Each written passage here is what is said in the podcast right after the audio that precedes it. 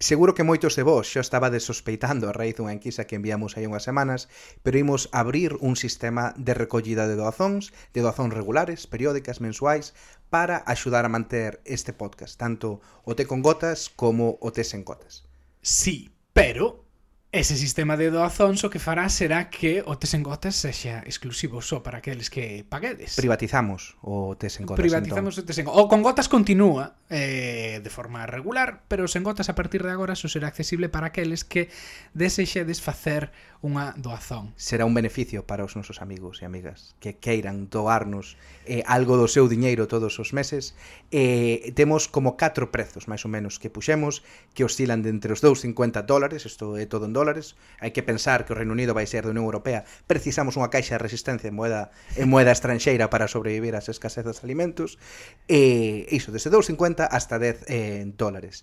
Dependendo de canto paguedes, bueno, todos ides ter acceso a, ao tes en gotas, pero eh, a maiores hai algo de merchandising que que E que, que dependerá que dependerá da doazón que fagades. Uh -huh. Canto o... máis generosa sea a doazón, máis generoso será o regalo. E a onde teñen que ir se queren facer unha doazón, Miguel? Pois teñen que ir a Patreon, que é unha, bueno, puso unha plataforma a través da que se xestionan este tipo de, de doazos. Seguramente uh -huh. moitos coñecerades o que é crowdfunding e demais, bueno, pois esta é Patreon que é específica para este tipo de suscripcións eh, mensuais ou compartiremos a ligazón en redes e no newsletter, pero por si o queredes ir tomando nota, é Patreon, é, bueno, é escrito patreon.com barra eh, te con gotas.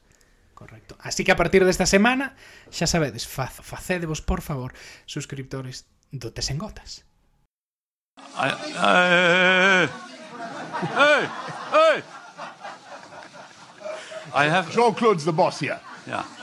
Well, thank you, Jean-Claude. And can I Uh, a pay particular tribute to uh you uh, Jean-Claude and also Bueno, e xa meténdonos en fariña, Miguel Vamos a falar de Brexit Que para iso uh, estamos aquí sí. Que pasa? Que pasa no mundo do Brexit? Pois pasa que, a ver, a semana pasada dicíamos que estábamos ante unha fin de semana eh, dramática Que iba a ser intensísima Porque se ia a votar o acordo ao que finalmente chegou eh, Boris Johnson e a Unión Europea para, para sair da Unión Europea, para o Brexit.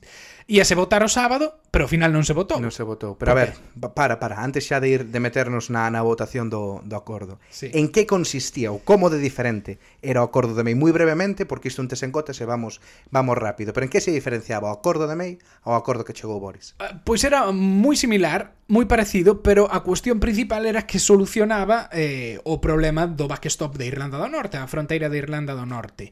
Eh, con este acordo, co acordo de Boris Johnson, A Unión Europea facía certas cesións uh -huh. ao respecto do que pedían os máis brexitir, pero non acababa de convencer aos unionistas de Irlanda do Norte porque establecía unha fronteira no mar de Irlanda, é dicir, que habería unha fronteira entre o que é Irlanda do Norte e o resto do Reino Unido, o que hai ya de Gran Claro, Bretaña. Irlanda do Norte quedaría máis aliñada coa Unión Europea a nivel regulatorio do que o resto do, do Reino Unido. E iso é un problema pois para os unionistas irlandeses. Pero por que non se votou? Íbase, íbase votar, non? O sábado, e ao final, nada. Íbase votar, pero ao final os deputados do Parlamento decidiron apoiar unha enmenda dun deputado conservador. Ex deputado conservador. Ex deputado que conservador. Que foi dos expulsados na, na última ronda de expulsións do partido. Sí, pero bueno, que é Brexitir, non é, sí. non é un Remainer, ni moito menos, no que basicamente o que pedía era que non se votase sobre o acordo ata que se coñecese a legislación que ia traer consigo, porque, por así dicilo, o acordo é como unha declaración política, non unha declaración de intencións, pero a lei en sí é algo pois máis profundo, por así dicilo, que aínda non se non se revelara, aínda non se claro, fixera público. Claro, porque todo este proceso entón, a priori requeriría dúas votacións. Unha era, como dis ti, votar o acordo político que non ten ningún tipo de validez legal e outra cousa que a votación da lei que incorpora os principios dese acordo. Pero o medo que eles tiñan a votar Simplemente o acordo político era que entón Boris Johnson, eh, no caso de que non se aprobase a súa lei, eh, o que podía facer era sair aínda así da Unión Europea sin acordos. E xa isto é fiar finísimo todas as posibilidades legislativas que hai agora mesmo no Parlamento Británico. Isto xa ir eh, o detalle, porque claro, claro se vos lembrades o Parlamento eh, británico decidira que se non se aprobaba un acordo, Boris tiña que solicitar unha extensión de tres meses. Entón, o que Boris ou moitos sospeitaban que Boris podía pensar era vou aprobar o acordo formalmente, pero despois a legislación vai caer e como non hai legislación que respalde o acordo, o 31 de outubro non teño ningunha obriga de solicitar unha extensión e nos marchamos con no deal. É algo enrevesado, pero é a política británica. E finalmente Boris, a raíz desta emenda, tivo que enviar eh, esa carta solicitando extensión á Unión Europea pero non enviou unha, senón tres cartas solicitando extensión. Estas cousas da, da comedia británica. Carta número 1 eh, prácticamente copiando pois o que a, a obriga legislativa que marcar o Parlamento, solicitando a extensión. Moi, de xeito moi curioso, esa carta non está asinada por el, non, non está a súa rúbrica. Simplemente pon primeiro ministro Prim... de Reino Unido, de Inglaterra, Escocia, claro. Irlanda do Norte, Gales. Sí. Na segunda carta era eh, enviada polo embaixador do Reino Unido polo representante do Reino Unido na Unión Europea explicando que esa carta que acababan de enviar o primeiro ministro era unha obriga ou unha briga polo, pola lei que acaba de pasar ao Parlamento. E a última carta, a terceira, esa sí, asinada por Boris Johnson, é Boris dicíndolle que lle parece unha idea terrible isto, isto da abstención. É unha cousa así un pouco esquizofrénica. Todo política Twitter para non trai un meme ou unha imaxe coa que lle podan atacar os brexitir, non? Claro, unha carta solicitando extensión coa rúbrica de Boris Johnson. Pero bueno, eh, onde estamos agora entón? Entón, agora estamos na situación de que Boris, esta semana, este luns, tratou de que se volvera a votar a, o, o acordo no Parlamento, pero o Speaker, que últimamente, habitualmente, pois pues, está posicionando en contra da, das posturas máis pro-Brexit, decidiu que non era necesario votalo, porque basicamente non cambiara nada con respecto ao sábado e non tiña ningún tipo de sentido repetir a votación. Entón, agora, o que se vai facer eh, se non se vota o acordo, será votar ou dar o visto bo á legislación que implica ese acordo. Mm. Iso non implica que os parlamentarios estean a favor da legislación, é simplemente un trámite para que o Parlamento poda comezar a facer enmendas a esa lei. E aí hmm. ven o interesante, non? Claro. Aí hai varias enmendas que a oposición quere pues, quere aprobar eh, que poden cambiar totalmente o acordo que chegou Boris. Unha eh, implica incluir na declaración, bueno, na declaración política unha parte do acordo a idea de que hai que manter a unión arancelaria como eh, obxectivo non na negociación e que iso ten que ser pois parte parte do acordo, aspirar a unha unión arancelaria entre o Reino Unido e a Unión Europea. Cuestión que Boris non quere nin, nin de broma, porque pertencer a Unión Arancelaria implica que non podes chegar a acordos de libre comercio con terceiros países. Claro. E, e a outra a outra enmenda que, que xa dixo o Partido Laborista que, que ia apoiar é condicionar a aprobación deste acordo a que conte co visto bo en, do, do povo británico nun referendo.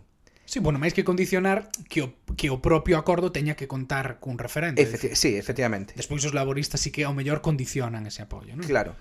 Eh, pero non está claro que os números den para ninguna das tres opcións. É dicir, a primeira opción é que o acordo pase sin, sin emendas e, eh, e aí hai moito, pois xa falamos a semana pasada, aí hai moitos moitos debates porque hai moitos diputados hai diputados laboristas que se poden rebelar contra o seu partido e non está claro que todos os conservadores va, o vayan a apoiar. Hai aí moita moita fricción.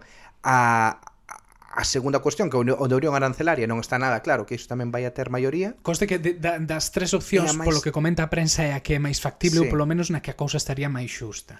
E a última é a do, a do referendo, que eso sí que non ten pinta de que se vai a aprobar, entre outras cousas, porque hai deputados laboristas de zonas eh, que votaron por sair que non están dispostos a, a ir ao segundo referendo. Claro, aí xa entra o que comentabas do Partido Laborista, e que un dos eh, pesos pesados do partido este domingo dixo que estaban pensando na posibilidade de eh, poder aprobar o acordo a cambio de que se incluíse eh, o referendo como unha mm. forma de, de clausurar isto. Aínda non se sabe se si é, eu creo, política política oficial, porque eu creo que Corbyn non, non, non falará tan claro neses mm. termos, eh, pero bueno, sería sería unha posibilidade eh, que os laboristas tragasen co acordo a cambio de sometelo á votación da, da xente e a ver, e a ver que acontece aí eh, pois, bueno, eh, como vedes tampouco é que haxe moitísimas. Hai moitas novidades, pero ao mesmo tempo seguimos seguimos varados, seguimos bloqueados en ter unha saída clara, non? A como vai pasar, ao que vai pasar nos próximos días. Claro, porque o que se fala é que en caso de que Boris Johnson non dea eh, sacado adiante esta legislación e este acordo, eh, forzaría coa convocatoria de novas eleccións. E hmm. isto hmm. entón voltaríamos ao punto no que estábamos hai unhas semanas nas que Boris que na, na que Boris quere convocar eleccións, pero a oposición non llo non llo permite. Hmm. Quizáis non non non saibamos nada ata que a Unión Europea acepte ou rexeite a solicitude de extensión e entón hai aí sí que nos podemos ver ter unha idea máis clara de cando van a ser esas eleccións e se se vai aprobar o acordo ou de se vai haber un segundo referendo.